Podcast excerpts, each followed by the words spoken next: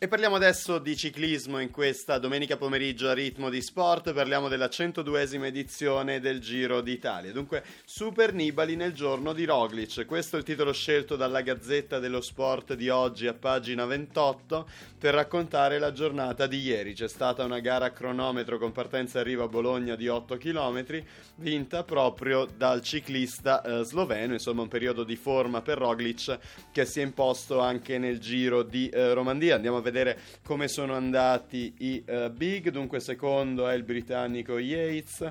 Terzo, ottimo, Vincenzo Nibali, staccato di 23 secondi. Quarto, il colombiano Lopez. Quinto, Tom Dumoulin. Sesto, Rafael Maica. Uh, nono, uh, Möllema. Per quanto riguarda gli italiani, diciottesimo, Davide Formolo.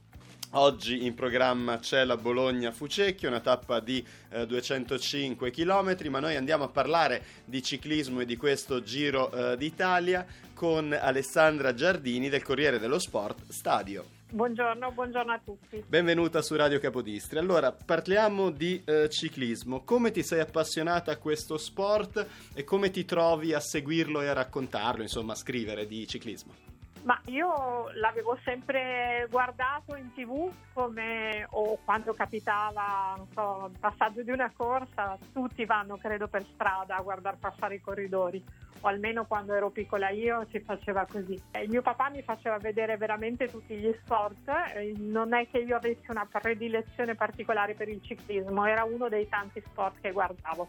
Poi un giorno il mio direttore, che era Mario Sconcessi, mi disse vai al Giro d'Italia, era il 1998, fu il giro vinto da Pantani, da lì non ho più smesso. Senti, ma dal punto di vista tecnico c'è un modo di raccontare il ciclismo come se fosse, tra virgolette, uno sport normale, nel senso che mi pare che ci siano almeno un paio di tendenze tra loro in conflitto. C'è chi ne parla come di, di uno sport epico, con queste gesta di questi eroi, e dall'altra c'è anche chi lo considera come uno sport dove sono tutti dopati, dove imbrogliano tutti, che, che, non senso, che non ha senso guardare, dove tutto è finto. Cioè c'è un modo di raccontarlo in maniera, diciamo, oggettiva. Ci sarà, immagino di sì. Io non conosco molti giornalisti che seguono il ciclismo che lo hanno raccontato come uno sport di dopate, perché il ciclismo è uno sport che fa innamorare immediatamente, è uno sport che ti fa partecipare della fatica che fanno i corridori. È chiaro che loro ne fanno molta di più, ma ne facciamo tantissima anche noi, andandogli dietro in macchina, facendo tante montagne, tante salite. Io ho sempre odiato stare in macchina questo invece è uno sport che si fa in macchina, si fanno tantissimi chilometri e la corsa la vedi pochissime volte, molto diversa da come uno se la può immaginare. Io sono molto più convinta che il ciclismo quando lo conosci ti scateni il lato romantico, forse quello epico forse è un po' esagerato, però il lato romantico senz'altro, è uno sport molto bello da raccontare. Credo che forse solo il pugilato ti dia degli spunti letterari così alti. Poi c'è la parte del doping, esiste, è esistita, eh, ho cominciato a fare il ciclismo negli anni d'oro del doping. Ho vissuto un tour proprio nel 98 in cui quasi tutte le sere finivamo in gendarmeria perché c'era qualcuno arrestato, qualcuno preso, indagini, interrogatori. È stato un battesimo di fuoco come tour. E poi ci sono stati anni in cui davvero non si parlava d'altro. Io mi sono presa quasi una laurea ad honorem in medicina, che non era sicuramente la mia materia preferita, però io non credo che sia solo un problema del ciclismo, credo che sia un problema che riguarda moltissimi sport di fatica. Sul ciclismo si è parlato molto e ci si è fatti del male in vario modo. Il ciclismo è sicuramente stato uno sport che ha pagato molto perché comunque è sempre stato uno sport fra i più poveri ed è stato uno sport in cui si è stati costretti a cedere ai controlli e i corridori si sono fatti controllare prima di tutti. Un corridore in bici deve dire dove va a dormire. Credo che in altri sport, nel calcio, nel tennis o nella Formula 1 succederebbe la rivoluzione se uno sportivo fosse costretto a dire in anticipo dove dorme e con chi dorme. È chiaro che sono cose che si sono rese necessarie. È vero che i ciclisti li trovavano poi dopati, però erano anche quelli che si facevano controllare. Questo non bisogna dimenticarlo mai. Dall'altra parte però chi ha la fortuna come te di seguire le corse, a me è capitato una volta per una corsa minore in Serbia di seguire i corridori, è un'esperienza davvero originale e particolare, da lì forse si vede anche tutto l'entusiasmo che circonda il giro che in fondo rimane uno degli appuntamenti più importanti nell'immaginario collettivo proprio di tutta l'Italia e di tutto il paese. Certo, il giro è molto più di una corsa in bici, è tutto il resto, è un po' come succede in Francia con il Tour forse di più perché l'Italia è più piccola. Eh, devo dire che il ciclismo è bello per questo, perché si fa una strada insieme e c'è ancora un rapporto con quelli con cui hai a che fare, quindi con i direttori sportivi, con i corridori, anche quelli più famosi. C'è un rapporto normale, gli si può telefonare, ci si ferma a chiacchierare, si fa colazione insieme prima della tappa. Sono cose che negli altri sport purtroppo non succedono quasi più.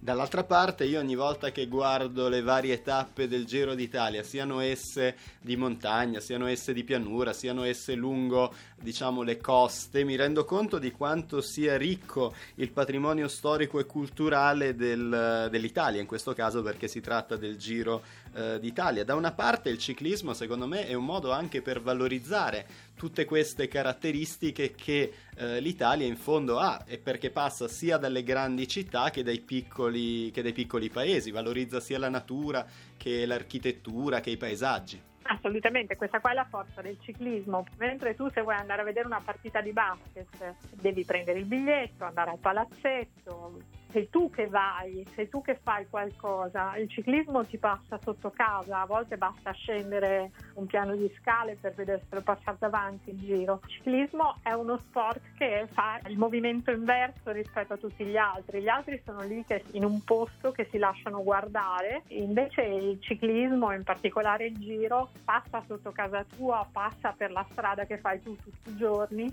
e ce la fa vedere l'Italia. Devo dire che insomma lo slogan che hanno scelto scelto che è la corsa più dura del mondo nel paese più bello del mondo, forse è un po' esagerato, di paesi ce ne sono tantissimi di belli, però rende abbastanza bene l'idea. Veniamo a questo giro del 2019, partenza da Bologna, arrivo a Verona, prima parte mi pare di capire abbastanza tranquilla, 5 tappe di montagna, la prima è la tredicesima, l'ultima è la ventesima, insomma la penultima, poi si finisce con questa cronometro a uh, Verona, insomma quali sono i principali spunti di riflessione secondo te per questa edizione del giro? È un giro molto bello perché è molto duro, ci sono veramente tante tappe di montagna, non solo vedendo vedendolo sulla carta ma parlando con i corridori che hanno fatto le ricognizioni nei mesi scorsi. Ci sono moltissime tappe veramente forti, veramente difficili, tra l'altro con delle condizioni meteorologiche che ancora non sono molto tranquille. Sul Gavi ha fatto molta molta neve,